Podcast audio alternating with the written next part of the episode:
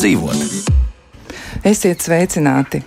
Meksikas salu iekšienē ir atrastas zīmes par tur senatnē dzīvojušiem cilvēkiem, un izrādās, ka tās ir datējamas ar laika posmu aptuveni pirms 30 tūkstošiem gadu. Tas ir nozīmīgi, jo pirms tam pastāvēja uzskats, ka Amerikā pirmie cilvēki parādījušies tikai pirms 13 tūkstošiem un 500 gadiem. Rekā ir tātad Amerikā cilvēki ir dzīvojuši daudz senāk nekā ir uzskatīts līdz šim, un ir atklāti arī dažādi artefakti, kas liecina par to, ka tomēr tur ir bijušas ļoti, ļoti saprātīgas būtnes. Nu, kaut vai kokogļu gabali, kas liek domāt, ka tomēr e, cilvēki jau bija Amerikā pirms ledāji bija sākuši kūst. Nu, redz, kā izrādās, ka patiesībā e, nu, daudz, daudz senāk cilvēks ir atradies kaut kur tur, kur mēs e, nemaz nebijām domājuši, ka tas tā būtu iespējams. Nu, lūk, bet šodien ne par vēsturi tik daudz un ne par atklājumiem, varbūt arī mazliet arī par tiem, bet drusciņi citā sakarībā. Proti šodien mēs vairāk runāsim par to, kas ir saistīts ar cilvēku veselību un runāsim par ļoti, ļoti retu citu e, slimību, kas tiešām nav sastopama uz katra soļa, mēs runāsim par miestēniju. Šodien tātad. E, Mūsu temats ir miestēnija, un arī uzreiz iepazīstināšu ar studijas viešņām. Pie mums ir neiroloģija Ieva Glāzeri, kura ir Pauls Tradiņklīniskās universitātes slimnīcas ārste. Tātad, labrīt! Labrīt! Un vēl esam arī aicinājuši studijā sarunā piedalīties pacientu Kristīnu Kišbaumu. Jā, labrīt! Lūk, un šajā brīdī arī mēs mēģinām, nu tā teikt, iesaistīt sarunā trešo viesi, bet varbūt arī mums tas vēl neizdodas.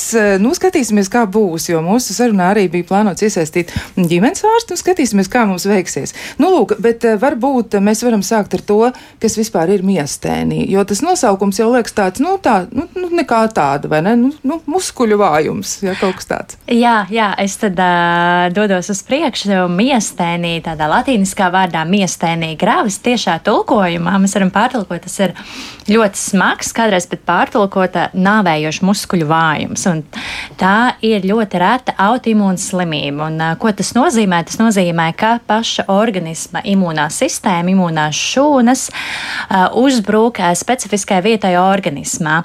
Un uh, tā vieta, kas rada šo muskuļu vājumu, ir neiromuskulārā sinapse. Tas nozīmē, ka tad, kad smadzenes pārvēl kustību impulsu uz muskuļiem, šis impulss dodas pa muguras smadzenēm, caur nerviem uz muskuļiem. Un starp nervu un muskuli ir savienojums, kas šo impulsu pārved, un tā ir šī tā saucamā neiromuskulārā sinapse.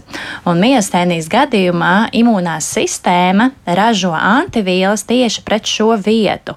Un šīs antivielas bloķē, izmaina, nu, noādu šo pārvadi līdz tam, ka pacientam attīstās muskuļu vājums.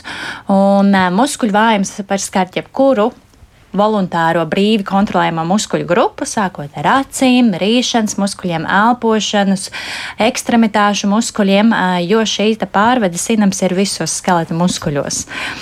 Tas tā īsumā. Tas ir īsumā, jā, bet ja mēs domājam par to, kā vispār nu, cilvēks kā, saprot, ka viņam ir šī problēma, jā, jo nu, tas nav tik vienkārši. Tiešām arī varētu būt tā daudz piedēvējumu, jā, jo ir nu, citreiz nu, tādas nu, kā lai pasakā, tādas ērtas diagnozes, ja nu, pieņemsim tādu psihosomatiski traucējumu, nu, tad liekas, ka nu, tas pārgurs, stress, ja vēl kaut kas tāds reakcijas kaut kāds. Ja? Nu, vienmēr sakot, kā tad cilvēks pats varētu saprast, ka tas ir kaut kas, kaut kas vairāk, nevis vienkārši nogurums? No pieredzes vai no manas ārsta? Es domāju, ka, ka, ka mēs varētu pa priekšu no pieredzes, ja, kā tas ir no pacienta viedokļa raugoties, kā jūs nu, sapratāt, ka nu, nav labi, nu, ka tas nav tikai nogurums, tikai kaut kāds tāds. Jā, es varbūt sākšu to, ka es pārstāvu pacientu organizāciju, miestēnijas pacientu organizāciju, mēs esam izveidojušies pavisam nesen, un uh, mēs esam sākuši veidot arī šos tā saucamo pacientu portretu. Nu, lai saprastu, kas tiešām ir šis, šī pacientu grupa un kā, kā viņi nonākuši līdz diagnozē. Un tas stāsts, ko man cilvēks stāsta, ir tāds, ka jā, ir šis nogurums. Un, ko ļoti bieži noraksta uz mūsu straujo dzīves ritmu. Mēs visi strādājam, mums ir hobiji, mums ir ģimenes, bet tad ir kaut kāda uzplaiksnījuma veselībā, kā jau doktori minēja, vai nu tās ir acis vai kāda atsevišķa muskuļu grupa, kur parādās šis vājums, un cilvēks dodas pie speciālistiem.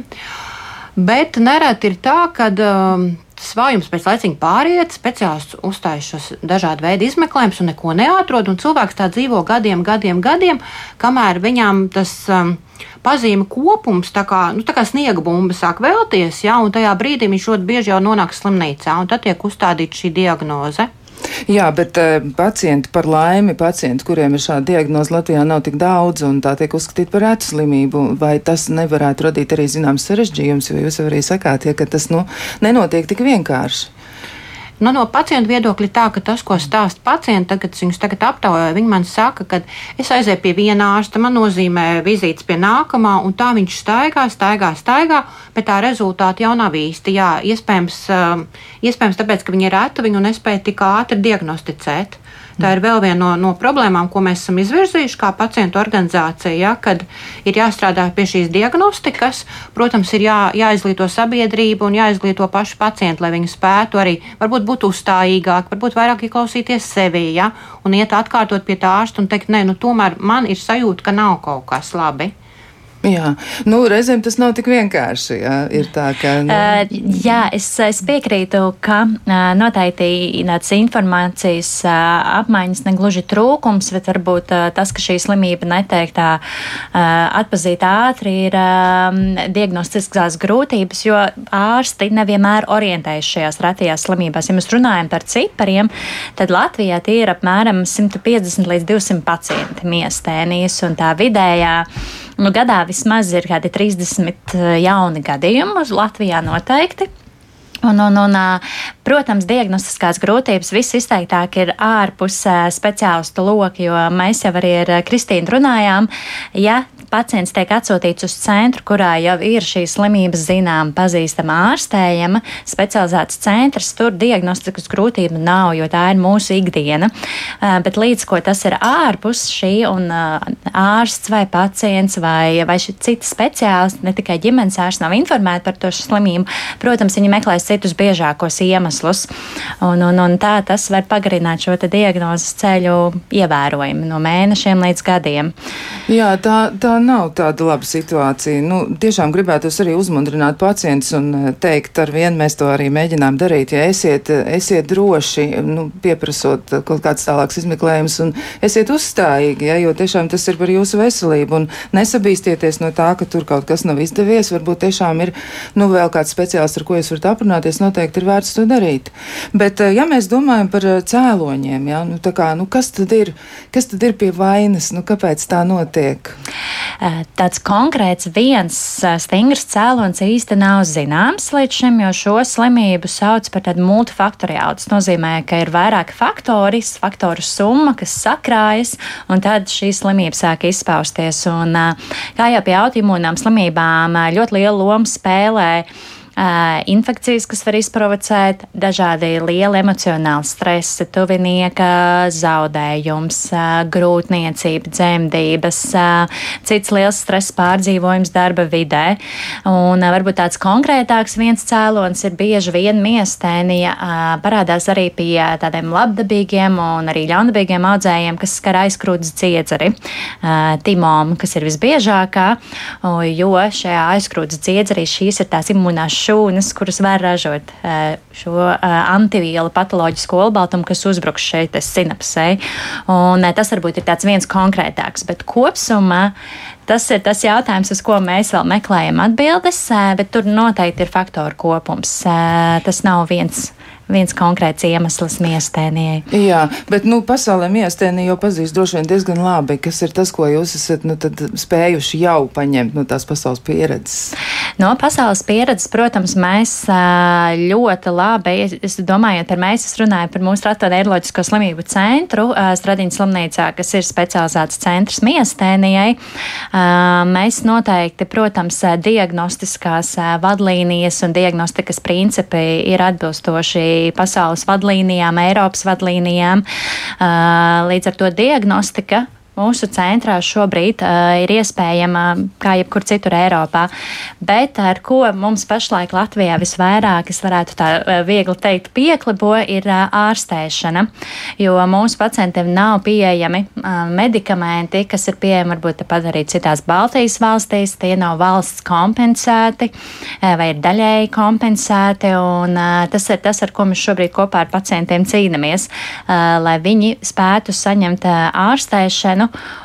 un atgriezties uh, normāli savā ikdienas dzīvēs. Jo tas, kas ir jāatceras par miestēniju, ka miestēnī ir jaunu cilvēku slimība. Ir divi pīķi, ir uh, pīķis līdz 50 gadiem darbspējīgā vecumā uh, jaunas sievietes.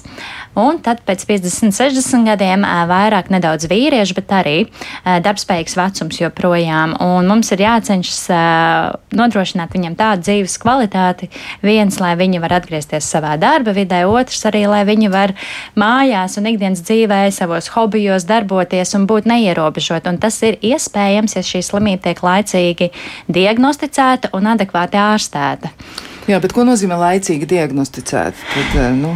Kas tas ir? Jo jūs jau arī minējāt, ja, ka tās grūtības ir diezgan lielas un nu, tas reizēm velks diezgan ilgi. Laicīgi es laikam teiktu, ka tie ir pāris mēneši līdz gadam, jo tas, kas diemžēl rodas šīs slimības rezultātā, ja ilgstoši šī imūnā sistēma uzbruk šai vietai, tad var rasties neatgriezeniski jau vājums, kuru mēs pēc tam ar medikamentiem vairs nevaram mazināt.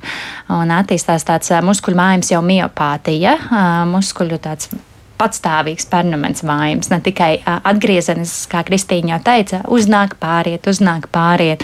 Un, un, un es teiktu, ka jā, ja līdz gadam var diagnosticēt, protams, pāris mēneši, tas būtu ideālākais variants. Jā, bet kāds ir ceļš, kā cilvēki nonāk pie jūsu speciālistiem, kā viņi nonāk miestēnis centrā?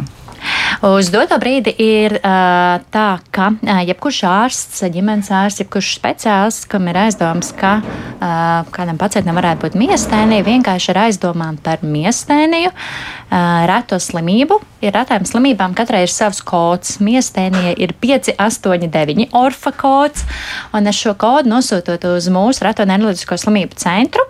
Uh, tuvākajā laikā, uh, parasti mēnešu laikā, jau tiek piedāvāta vizīte pie speciālista, kas ir speciālists speciālists šajā slimībā.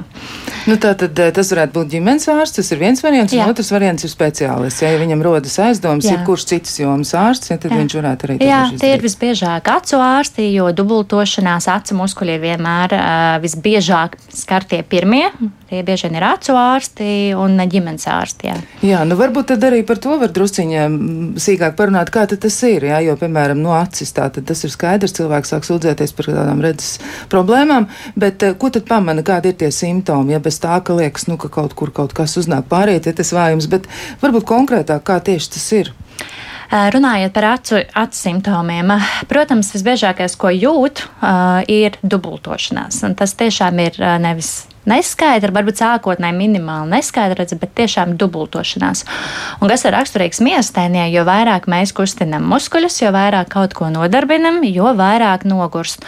Un ļoti, ļoti svarīgi atcerēties šo diennakts ritma maiņu slimībai. No rīta pamostamies viss kārtībā, jo muskuļi Panākt ir, aci, ir tīpaši acu muskuļi ir atpūtušies, dienā sākam strādāt, dators, lasam grāmatu, vadam nodarbības, jo vairāk acis strādā, jo vairāk nogurst, un jau ap pusdienas laiku pēcpusdienu parasti sākas šī dubultošanās. Un, kāpēc dubultojas? Tāpēc, ka acis kustina seši muskuļi, un ja kāds no muskuļiem paliek vājāks, un šīs acu kustības nav sasinhronizēts perfekti, tad mums smadzenēs veidojas dubultais attēls. Mēs vairs nevaram uzsvērt vienu bildi. Un, tās izmaiņas ir varbūt ļoti minimālas un jau ir subjektīva sajūta par dubultošanos. Un tas, ko var redzēt kādreiz arī pats cilvēks pieejot spogulī, ka acābols mazliet aizgriežas zīlīti, pagriežas uz sāniem, uz augšu, uz leju. Tāds un zīlītis nekustas simetriski, kā tam vajadzētu būt. Un otra ļoti, ļoti um, um, bieža lieta ir tieši plakstiņu noslēgšana noslīdējums, ko mēs medicīniski saucam par ptozi. Pacientam noslīd plakstiņu, un pie miestēnijas diezgan raksturīgi arī tas, ka tā ir asimetrija. Piemēram, aizvaras viens plakstīšu. Katru vakaru skatos televizoru, raidījumu, un jo ilgāk skatos, jo plakstīšu līdz zemāk, zemāk. Un uh, atkal no rīta pamostās, viss ir izzudis. Un, protams, gadiem ejot, tas plakstīšu var arī nepiecelties. Mums ir daudz dažādi gadījumi arī par to, ka ir iets pie ķirurģiem, man veiktas plastiņu plastikas, un, un tā miestēnī nav uzstādīta, jo plakstīšu vienmēr tāpat noslīd arī pēc ķirurģijas atpakaļ. Tā kā runājot par acīm, šie divi biežākie simptomi. Varbūt Kristīna var padalīties. Jā, tieši tā. Ko tad piedzīvo realitātē cilvēks, kuram ir nu, nu, neveiksmīga, ja tā loterijas biļete trāpīsies ir attiecībā uz šo visu? Tā, es pat negribētu teikt, ka neveiksmīga loterijas biļete, jo uzrunājot šos pacientus, tiešām ir tā kā doktori minēja, tas ir man, man pašlaik pacientu, teiksim, tas lokus veidojas no tādām gados jaunām, aktīvām sievietēm kuras tiešām ir aktīvas darba vidē, audzina bērnus. Un, un viņas saka, jā, par šo dubultošanos, ka nu, nu, ir tas simptoms parādījies, viņas ir aizgājušas pie acu ārsta, ja pēc brīdiņa atkal vairāk nav tā simptomu, un tā viņas ir bijis, ka pat dzīvo 11 gadus, ja, līdz kamēr pievienojas kaut kādi citi simptomi. Un, nu, tās izjūtas, protams, nav patīkamas, un, bet paldies Dievam, jāsaka tā, tagad ir šis reto slimību centrs, jā, bet arī vēl pacients, runājot ar pacientiem, ir skaidrs, ka viņam nav šī informācija, trūkst informācijas.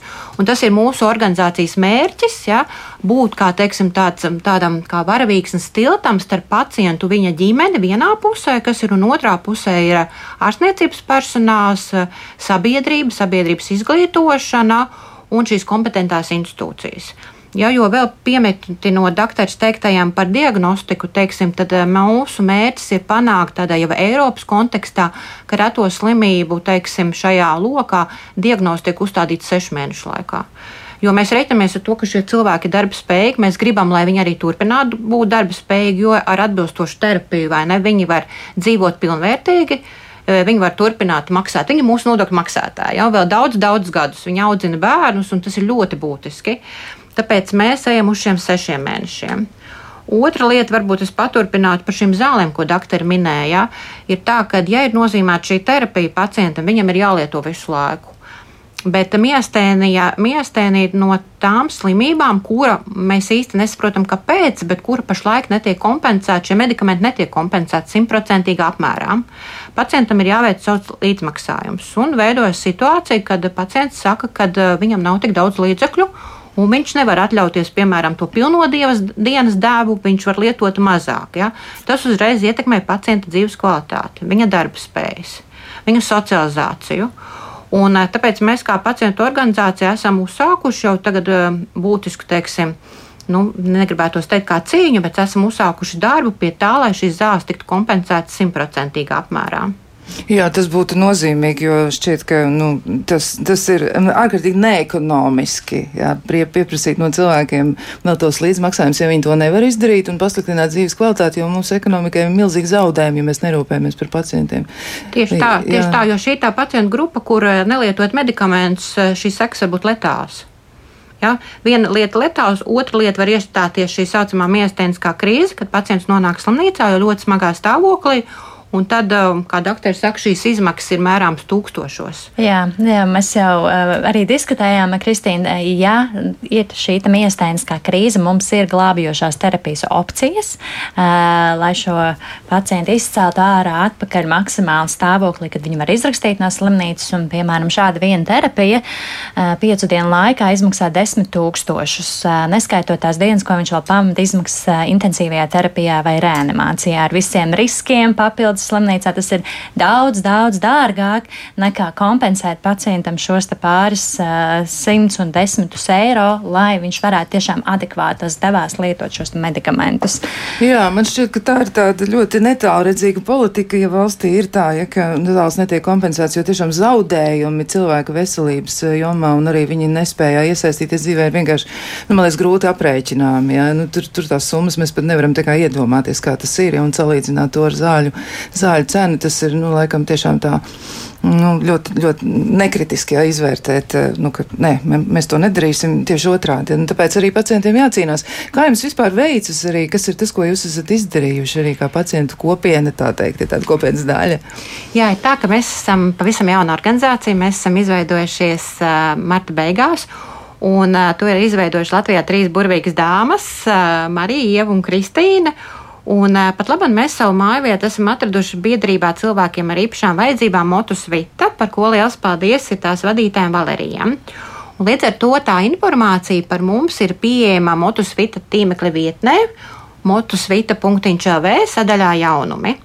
Paši mēs tagad uh, cīnāmies divās frontēs. Viena ir šī diagnostika, un otra ir šie medikamenti. Uh, Protams, projekti mums ir daudzi, projekti mums ir daudz, ko mēs vēlētos realizēt. Viens no tiem ir izglītošana. Jo runājot ar pacientiem, viņiem tiešām pietrūkst šīs informācijas, viņiem pietrūkst tādas informācijas, ka tas ir saskarsme ar kādu, nu, ar kādu, kuru tu varētu parunāt par to. Ja? jo it kā mājaslapu viņi ir atraduši, informāciju viņi ir izlasījuši, bet lieto zāles varbūt paši, bet nevēršas pēc speciālistu, jo nav atraduši savu ārstu. Un tas ir ļoti būtiski, kad uh, pacientam ir atrasts savu ārstu, pie kura viņš tad novērojās, jo uh, miestēnī tā slimība, kur ik pa laikam iespējams nāks pakuriģēt šīs zāles. Un tāpēc ir būtiski, lai pacients nedarītu to pats, bet to izdarītu speciālists. Jā, jā. Tātad šis mērķis ir izglītošanas mm -hmm. mērķis, tātad zāļu kompensācija, kā jau es minēju, diagnostika, kas būtu vēlama sešu mēnešu laikā. Un tas, ko Tas, ko es vēl gribēju pieminēt pie šīs terapijas, pēc tam, kad bijusi, piemēram, miesteniskā krīze, vai arī, teiksim, tādā tīra ikdienā, uh, miestenis pacientiem ļoti svarīga ir šī fizioterapija. Viņiem pielāgoti vingrinājumi.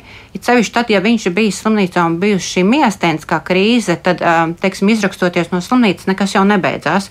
Viņam nereti nākās mācīties staigāt, nereti nākās vingrināt, teiksim, rokas, lai dabūtu atpakaļ to muskuļu spēku. Un šī arī tā programma, ko mēs gribētu, teiksim, kas būtu nu, vai nu video formātā, vai klātienes vingrošanas, bet nu, kas būtu specifiska tieši šiem pacientiem. Jo viņi nevar aiziet uz trenižera zāli vai uz aerobiku un tagad vingrot, teiksim, tā kā nu, vingrot cilvēkus, kuram nav nekāda diagnoze. Jā, nu, Te tomēr ir sava specifika.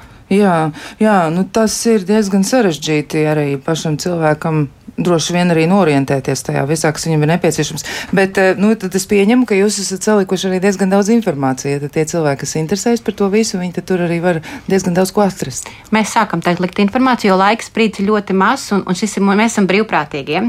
Mēs to darām paralēli savam nu, darbam, paralēli ģimenes dzīvē, ja, un visam pārējiem. Pagaidām mums pišķiņ, tas resurs iespējams pietrūkst, bet mēs tagad koncentrējamies tādā lielā mērā uz šo medikamentu apmaksu simtprocentīgā apmērā. Jo tas ir pats būtiskākais. Diagnoze cilvēkam ir, viņam ir nozīmēti medikamenti, un tagad ir svarīgi, lai viņš viņus eh, var atļauties. Var atļauties pilnā apmērā, var atļauties viņam atbilstošos medikamentus, tos, kas tieši viņam ir piemēroti. Jo vienam varbūt dar viena veida zāles, bet otram šī zāles nedara viņam vai kaut ko citu.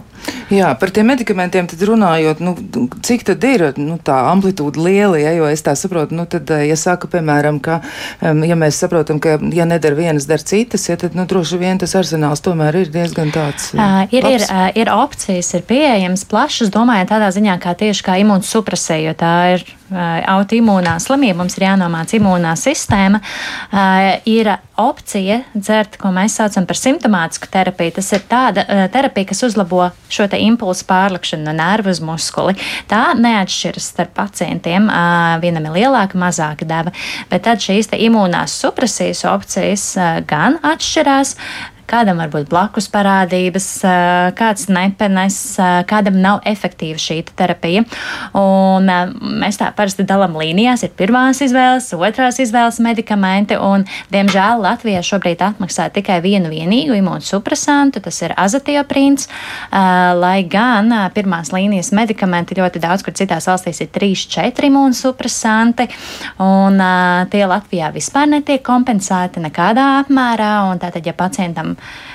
nav piemērojams šis vienīgais 75% kompensētājs, vai viņam ir blakus parādības. Principā pacientam ir jāpērk par pilnu summu šis cits imūnsupresijas medikaments. Un ir ļoti daudz medikamentu, kas nāk šobrīd jaunie medikamenti, kas ir domāti ļoti rezistentām slimības formām. Tie ir aptuveni 10-20% pacienti. Tas nozīmē, ka Latvijā tie arī būtu 10-20 cilvēki ar jaunākām imūnomācošām um, izstrādes veidiem, savādāku darbību, un arī tos mums vajadzēs, un arī tiem mēs prasīsim kompensāciju. Un tie jau citur Eiropā un citur pasaulē jau kļūst kā pirmās vai otrās izvēles medikamenti, un mums nemaz nav pieejami.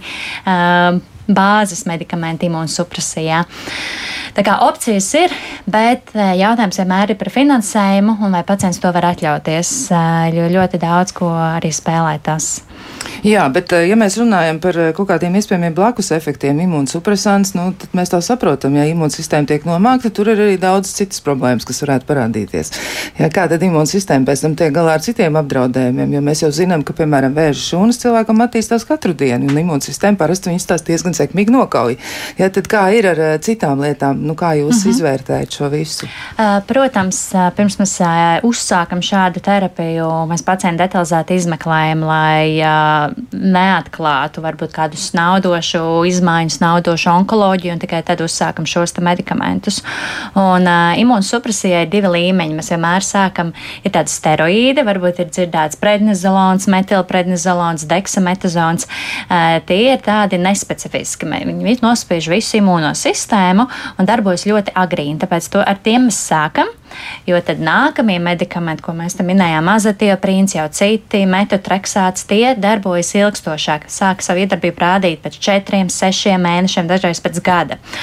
Un steroīdiem ir blakus efekti, kā palielināts svērs, kas ļoti ietekmē, piemēram, dzīves kvalitāti jaunām sievietēm paaugstinās spiediens, izmainās ķermeņa proporcijas, ādas kvalitāte, nerunājot par citiem kardiovaskulāriem faktoriem.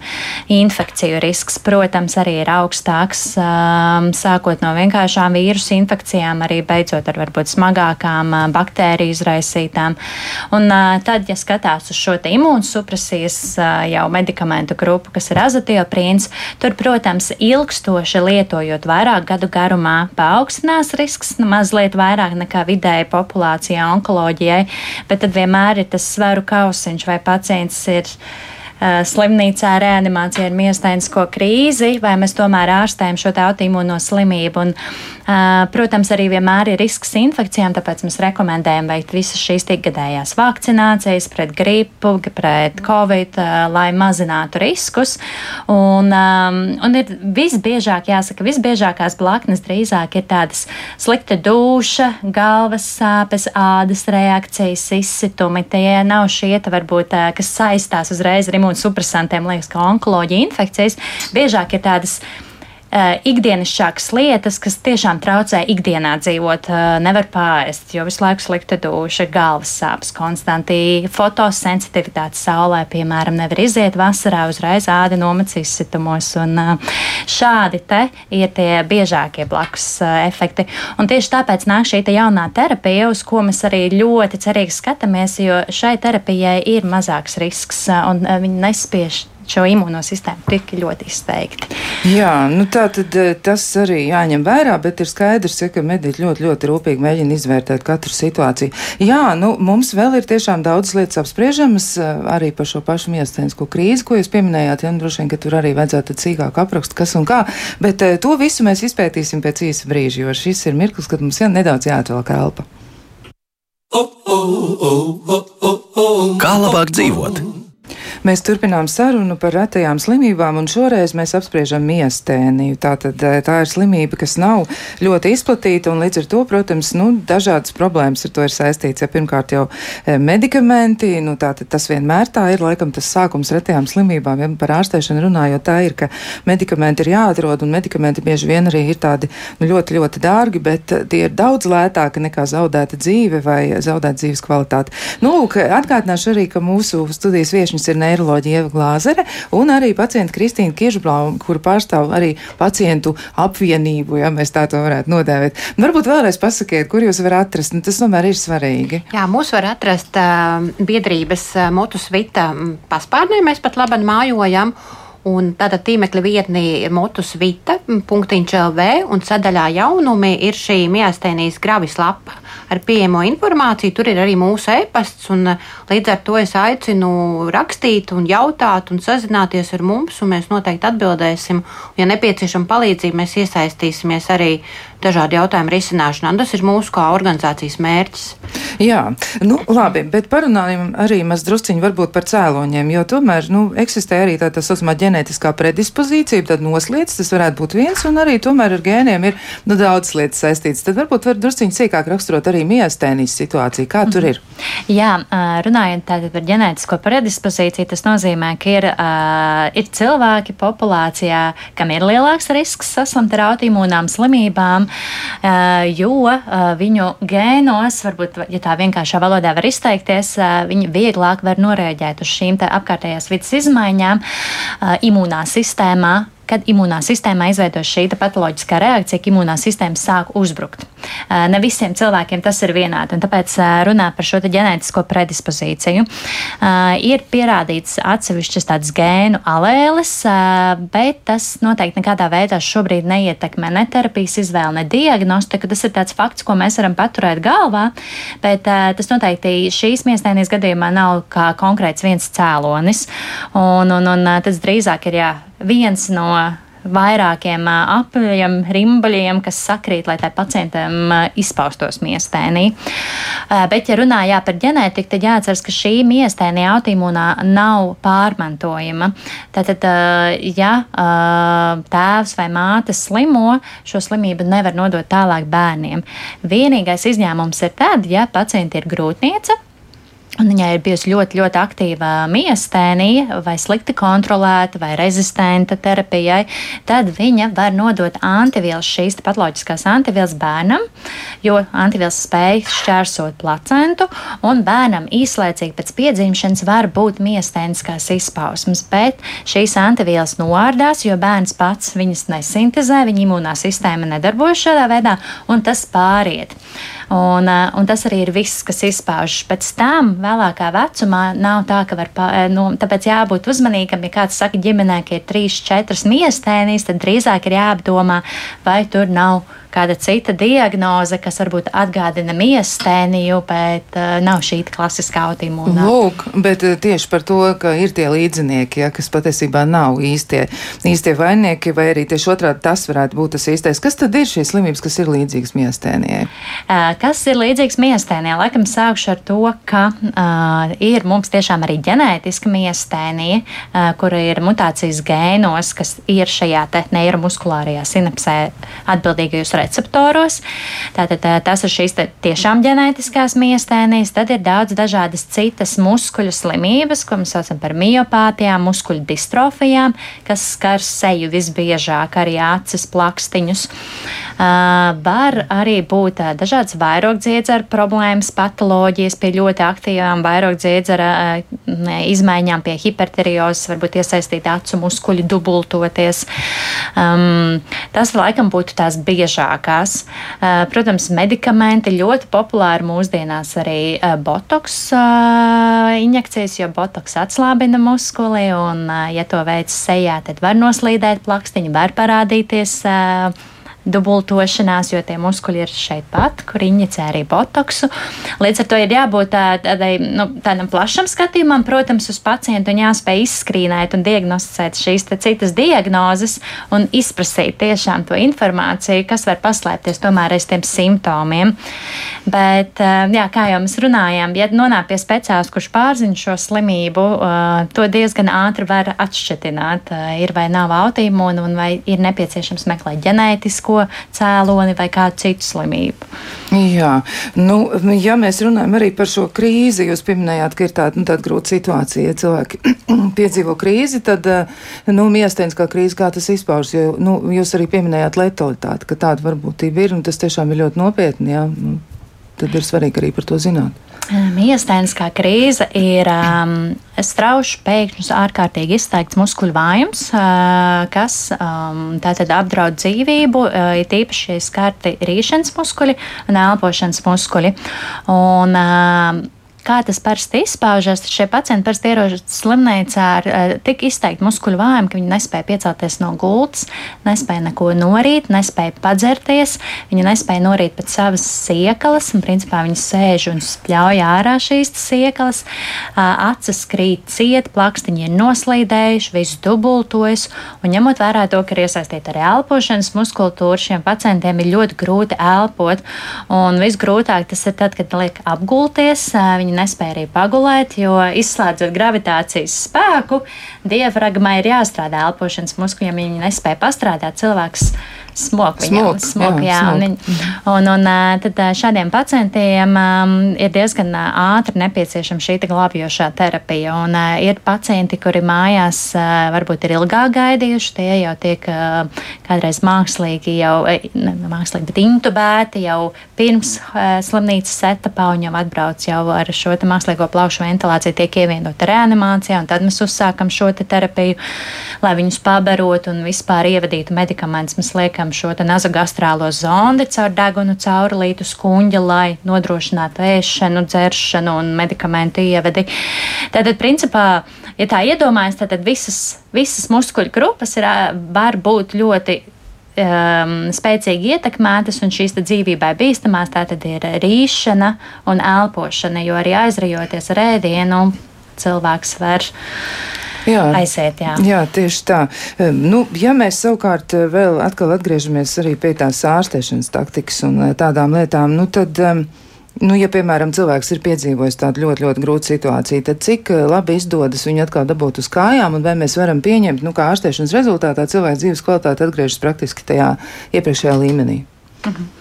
Ja runā par miestēnisko krīzi, ja pacients tiek sakmīgi ārstēts miestēniskās krīzes laikā, pēc tam uzsākt adekvāti arī bāzes terapija, pacienti var atbilst pilnībā iepriekšējā dzīves kvalitātes līmenī. Jo, ja šī slimība pakļaujas ārstēšanai, kas nav šie 10%, 20%, kas ir šie rezistentie, kurus ir grūtāk ārstēt, tad šo slimību patiešām ilgstoši pareizi ārstējot, var līdz tādam simptomu brīvam stāvoklim izvest. Un arī no šīs miestēniskās krīzes, miestēniskās krīzes visbiežāk parasti ir pirmajos divos gados, līdz nostabilizējas pati slimība, līdz iedarbojas terapija. Un, uh, līdz ar to mēs varam viņus efektīvi izcelt, ja tā varētu teikt, no šīs miestēniskās krīzes ar glābjošajām terapijām, un, un pacienti atgriežas atpakaļ. Un viņiem tad, tad, tādā ziņā tā dzīve tiešām atkal kļūst tāda ļoti laba. Mm, bet eh, ko viņi paši saka arī? Nu, kas ir tie pacientu stāsti, ko viņi stāsta, piemēram, kā viņiem ir veicies tīri ar to, ka viņi ir nu, noskaidrojuši, kas ir noticis, vai arī cik viegli vai grūti tas ir bijis, kāds ir bijis tas viņu ceļš. Varbūt jums ir zinām arī kādi tādi stāsti, un tad tur ir tāda, nu, vienmēr tāda daļa, kas jāņem vērā un tāda pieredze, ko var izmantot arī nākotnē. Jā, par tiem stāstiem līdz diagnozē tiešām ir tā, ka pacienti lielākoties ir nogājuši garu šo ceļu līdz šai diagnozei. Un nereti ir tā, ka diagnoze tiešām ir uzstādīta tikai tajā brīdī, kad viņi nonākuši slimnīcā. Ja? Piemēram, viņi ir gājuši pa ielu un pēkšņi vairs neklausa kājas un nokrīt, un cilvēks nesaprot, kāpēc. Un sākās šie elpošanas problēmas un cita veida traucējumi. Tiešām slimnīcā uzstāda šo diagnozi un ir jau šī miesteniskā krīze. Ja? Līdz ar to arī. Nu, Tādi ir tie pacientu stāsti, tāda tā ir realitāte, ka principā tu ļoti, ļoti ilgs ceļš līdz diagnozē. Ja vien negadās tev pēkšņi šī miesteniskā krīze, ja, kas tev ļoti ātri ļauj tikt pie tās diagnozes. Bet eh, tiešām tas pozitīvais ir tas, kā doktori minēja, ar atbilstošu terapiju cilvēks turpina dzīvot pilnvērtīgi. Eh, vienkārši viņam šīs zāles jālieto. Un tad mēs atkal atgriežamies pie šī stāsta par medikamentiem, ka viņiem ir jābūt kompensētiem simtprocentīgā apmērā.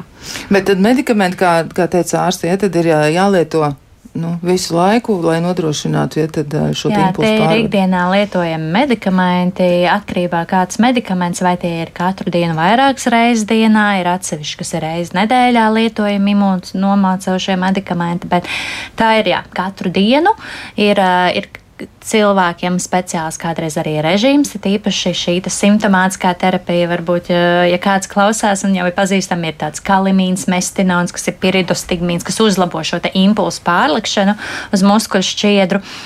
Tie, tos var lietot līdz pat sešām, astoņām reizēm dienā. Un, un, un es zinu, ka man ir cilvēki pacienti, kam ir arī timers mobilajā telefonā, kas atgādina, jo viņi ļoti būtiski jūt šo atšķirību. Viņi neiedzer pusstundiņu vai iedzer pusstundiņu vēlāk un jau parādās, piemēram, runas traucējumi, nevar norīt, ir konkrēti jāatceras pirms ēdienu reizēm ieņemt šo medikamentu. Tā kā jā, tas prasa arī sava veida disciplīna no pacienta puses. Uh, lai noturētu šo stāvokli. Jā, tiešām nu, tā ļoti nopietni jāsako līdzi savam stāvoklim. Bet nu, kā ir ar to cilvēku iesaistīšanos? Varbūt ir arī vēl nu, kaut kas sakāms par šo, cik viņi ir aktīvi, jo pacienti noteikti nu, gribētu, lai par viņiem rūpējas. Tā ir nu, tiešām tāda problēma, kas ir, nu, jā, ar to būs jābūt kopā visu dzīvi, diemžēl. Jā, nu, mēs tagad pie tā strādājam, lai šos pacientus, teiksim, lai pacienti būtu gatavi nākt darboties kopā ar mums, lai mēs saprastu tiešām vairāk tās, tās jūtīgās pozīcijas, kuro, kurās ir nepieciešams šis atbalsts. Jo, nu, es saku, viens ir tas, ka vēl trūkst informācija, kaut arī es vēl neminēju, ir tāda tīmekļa vietne kā miestēnī.lv. Tur ir informācija pieejama gan par šiem medikamentiem, gan par pirmajām pazīmēm, gan par miestēnisko krīzi. Nu, tāda, tur ir savākta tāda būtiskākā informācija pacientam un viņa ģimenei ar ko iepazīties un kas noderētu tālākajā, tālākajā dzīvē. Nu, šeit varbūt arī tas stāsts ir, kad um, tā miestēnī savā veidā tev liek uh, vairāk parūpēties par sevi, padomāt par sevi, jā, jo arī, kā doktori teica, šīs kaut kādas iespējamās blaknes vai onkoloģija, bet tu esi ārstu uzraudzībā. Līdz ar to šim pacientam, principā, tā veselība tiek uzraudzīta daudz gadu garumā, un ja kaut kas ir, tas tiek atklāts sākuma stadijā. Jā, tā viņi ir tādā ir... ļoti labā aprūpē. No savā pusē, no vien, vienā, vienā ziņā viņi ir tādā ļoti labā tādā mediķu aprūpē. Nu, un otra lieta, ka jā, viņiem pašiem jāsako šiem medikamentiem, šiem laikiem, kad ir jādzer, un to man arī ir teikuši, kad, kad uh, viņi jau jūt, tūlīt būs četras stundas, es jau jūtu, ka man būs tā tableta jāiedzer. Ja? Nu, ir tiešām citi, atkal, kuriem ir šis taimers uzlikts vai ne. Tur tās situācijas ļoti dažādas, jo miestēnīs tās izpausmes, kā doktori minēja, ļoti dažādas, un arī pacientu tā pašsajūta un tas, kā viņi organizē to savu ikdienu arī ir atšķirīgi. Tas nav tā, ka visiem būtu vienādi. Jā, nu, dzīves ritms jau ir atšķirīgs, un arī tas, nu, jūs teicāt, ir tādas trīs aktīvas dāmas, jā, nu, tad viņām jau noteikti tā dzīve arī tāda ļoti piepildīta. Tur ir daudz dažādu lietu, kas ir jādara. Bet vai ir kaut kādi tādi pašpalīdzības veidi arī, nu, kaut kas tāds, ko varētu pacients pats darīt? Jo ir skaidrs, ka, nu, to sinaps jau nepierunāsi darboties, nu, tur vienkārši ir kā ir, jā, tā ir tāda neiroķīmija, varbūt tā to nosauksim. Bet ko varētu darīt pats pacients, kā viņš varētu vēl par sevi rūpēties? Mm, kopumā tādi citi līdzekļi, kas ļoti uzlabotu miestēnijas pacienta stāvokli, īsti nav zināmi. Principā uz šo pacientu grupu attiecas tieši tādi paši ikdienas veselības ieteikumi kā uz jebkuru. Gan tādā ziņā, kā par uzturu nav nekas specifisks jālieto, vienkārši veselīgi jāēd, daudz ūdens jādzer. Fiziskās aktivitātes arī ir rekomendētas pēc speciālistu uzraudzībā, un tad, kad slimības gaita ir stabila, tā kā drīkst šies pacientus sportot. Mums ir arī pacienti, kam ir skarts tikai acis, kur skrien maratonus, un, un, un līdz ar to ir iespējama dzīves kvalitāte arī tādā līmenī. Un tas, kas pacientam varbūt pašam vairāk ir jāatceras, tiešām tie stāvokļi, kas viņam pasliktina vai uzlabo to gaitu, jo tas, kas ir zināms, ka miestēnijas pacientiem karstā laikā, vasarā ir grūtāk. Ziemā vēsumā ir labāk, nevajadzētu iet saunā, spirtīs, jo tad parasti arī izteiktāks vājums.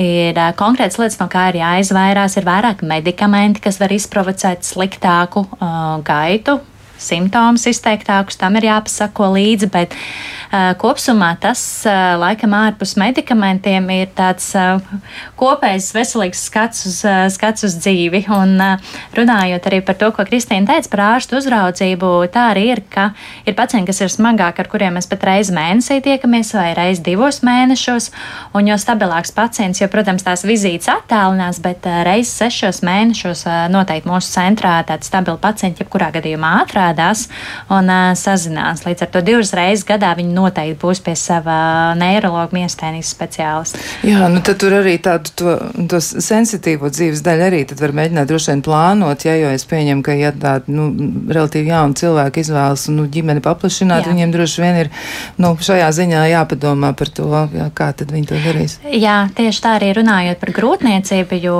jaunās sievietes ir tiešām šī pīķa liela daļa slimība slimībai. Grūtniecību var veiksmīgi izvest, ja gan ja diagnoze ir uzstādīta vai arī nav. Bet, ja diagnoze ir uzstādīta un pacienti tiek ārstēti, ir medikamenti, kurus viņi droši var lietot grūtniecības laikā. Mums ir vairākas pacients, kurām ir vairāki bērni arī dzimuši, un viss ir bijis kārtībā.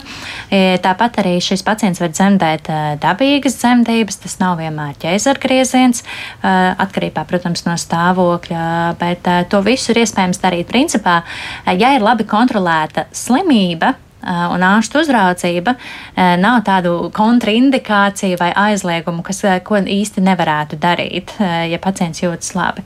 Un ir pacienti, kas sasniedz arī remisiju. Tas nozīmē, ka mēs to saucam par medikamentozo remisiju, lietojot, piemēram, medikamentus, nav nevienas simptoma un pacients jūtas neierobežots. Un ir arī tādi, kas ilgstoši lietojot, pamazām atceļot medikamentus, arī neatgriežas simptomu. Tad tā jau ir slimības kopējā remisija. Tā kā tādi mazāki, bet tādi veiksmes stāsti arī ir. Tas ir ļoti labi. Tā ir iepriecinoša ziņa. Tas tiešām ļoti uzmundrina, ja, jo tā, nu, citādi tāda fatalitātes izjūta kaut kā tā sāk, sāk zakties klāt. Tā tad ir ļoti labas iespējas, labas, labas um, prognozes un arī medikamenti. Nu, ko vēl varētu teikt, varbūt tā kā noslēgumā, kā varētu varbūt uzmundrināt tos cilvēkus, varbūt kam viņiem jāpievērš uzmanība. Nu, par acīm pilnīgi skaidrs, ja tas tiešām ir kaut kas ļoti atpazīstams, to cilvēku noteikti pamanīs. Ja kaut kur plakstīņš tiešām noslīd, nu uzreiz jau sevišķi sievietes, man liekas, viņas ļoti, ļoti vērīgas. Katru rītu izpēta savu sejas poguli, bet tur viss ir joprojām tikpat skaisti kā vakar. Bet kam vēl vajadzētu pievērst uzmanību? Droši vien tā pazīme, ko pacienta minēja, ka tas ir nogurums, bet uh, cilvēki to noraksta uz tiešām savu aktīvo dzīvi, jā, jo šī tā pacientu grupa, kur tiešām joprojām dzīvo aktīvi. Un, uh, Varbūt tas ir tā, tas pirmais simptoms, ja tas nogurums ir nepārējošs, tomēr ir aiziet pie tā ģimenes ārsta un pakonsultēties. Eh, varbūt tas nav tiešām vienkāršs nogurums, jā, varbūt tomēr tur ir miestēni. Bet katrā ziņā es ieteiktu palasīt to miestēni LV tīmekļa vietni, tur šie simptomi uzskaitīti un eh, nu, tādu kopainu iedod. Jā. Protams, nebūs tā, ka katram otrajam tagad būs eh, miestēni, jo šī tomēr ir reta slimība. Bet nogurums ir tas, ko visbiežāk ir minējuši mūsu aptaujātie pacienti. Tāds ilgtermiņa nogurums.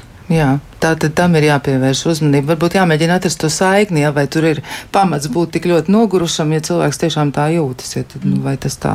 Šeit ļoti, ļoti svarīgi piezīme ir tā pārējošā noguruma sajūta, it īpaši slimības sākumā. Um, veicam uzdevumu, jūtam nogurumu, bet atpūšamies un jūtamies arī tikpat labi kā uzdevuma sākumā. Ja tas arī ir tas, kā mēs bieži vien gan uzņemšanas nodaļā, gan vizītēs pie sevis, pirms mēs uzstādām diagnozi, arī testējam pacientus un liekam 10, 20 reizes pavēzēt rokas sākumā rokas smuki turam, varam noturēt, atspiest pret ārsta pilnu spēku, un pēc 20. reizes jau rokas augšā noturēt nevaram. Un, tātad šī ir tā, jo vairāk mēs liekam impulsam skriet, jo ātrāk viņš nogurst, jo tur ir šīs antivielas, kas bloķē. Un, Pēc tam sinaps ir ļoti plastiska uh, vieta, ja cilvēka ķermenī atjaunojas un atkal ir spēks. Un es laikam teiktu, šī te jā, pārējošā muskuļu vājuma uh, pazīme. Un otra lieta ir uh, rīšanas un runāšanas muskuļi, jo bieži vien um, miestānijas pacientiem būtu ļoti grūti norunāt bez apstājas šādā veidā, ja pacients netiek ārstēts. Un uh, man arī ir bijuši vairāki pacienti, kas saka, ka runājot pa telefonu, viņi sāk runāt, un tad sarunas laikā, ja viņi saprot, ka viņi paši nevar izrunāt visu līdz galam, un otrā pusē telefonam cilvēks vairs nesaprot. Viņiem sāk šie muskuļi uh, radīt nes, ļoti tādas dizartriskas uh, skaņas, runas traucējumus, un viņas vairs nevar saprast. Un tas arī ir ļoti tāds sarkans karoks, ka nogurst šie rīšanas un runāšanas muskuļi. Jā, nu rekā, tā tad tomēr ir jāpievērš uzmanība visiem šiem simptomiem. Nu tad vēl pēdējo reizi vietne motusvita.lv sadaļā jaunumi un uh, eh, miestēnī.lv, kur ir informācija tāda no medic medicīniskā skatu punkta. Jā, Jā. To, šo mājaslapu uztaram uh, mēs no ārstu puses, un tur ir arī pieejama informācija gan par mūsu ratu neiroloģisko slimību centru, gan kā uz turieni nosūtīt pacientu, gan ārstiem ir vieta, kur apskatīties, gan pašiem pacientiem, kā nokļūt pie mums. Nu, rekā, nu tā tad uh, tur visu var izpētīt. Jā, liels paldies neiroloģijai Ievai Glāzerei un arī pacientei Kristīnai Kišbaumai, un arī vienlaiks viņa ir pacientu organizācijas um, nu, sastāvā un kūrē visas šīs lietas un palīdz citiem pacientiem nu, nokļūt uz tā pareizā ceļa. Jā, nu, labas ziņas ir tās, ka var ārstēt miestēniju, un tas noteikti ir tiešām, nu, tas ir milzīgs ieguvums. Un ceram arī, ka izdosies nokļūt tajā situācijā, ja kur zāles tiks kompensēts un cilvēku dzīve netiks nekā apdraudēta. Klausītājiem novēlēsim, nu, lai jums veselība, lai jums nav nekādu grūtību, un ja nu gadījumā kas, nu noteikti mēģiniet izpētīt, kas tur varētu būt, un jo iespējams nu, ātri dodieties pie ārsta. Savukārt rīt, rīt jūs varat aprunāties paši ar sevi un arī ar Elvi, un eh, studijas viesiem par to, kā tad, nu, balēties, jeb svinēt svētkus bez baloniem un eh, bez kaut kādiem kaitīgiem citiem priekšmetiem, kas varētu nodarīt pāri dabai. To noteikti mēs varam iemācīties darīt. Lai jums skaista diena un tiekamies atkal kādu citu reizi.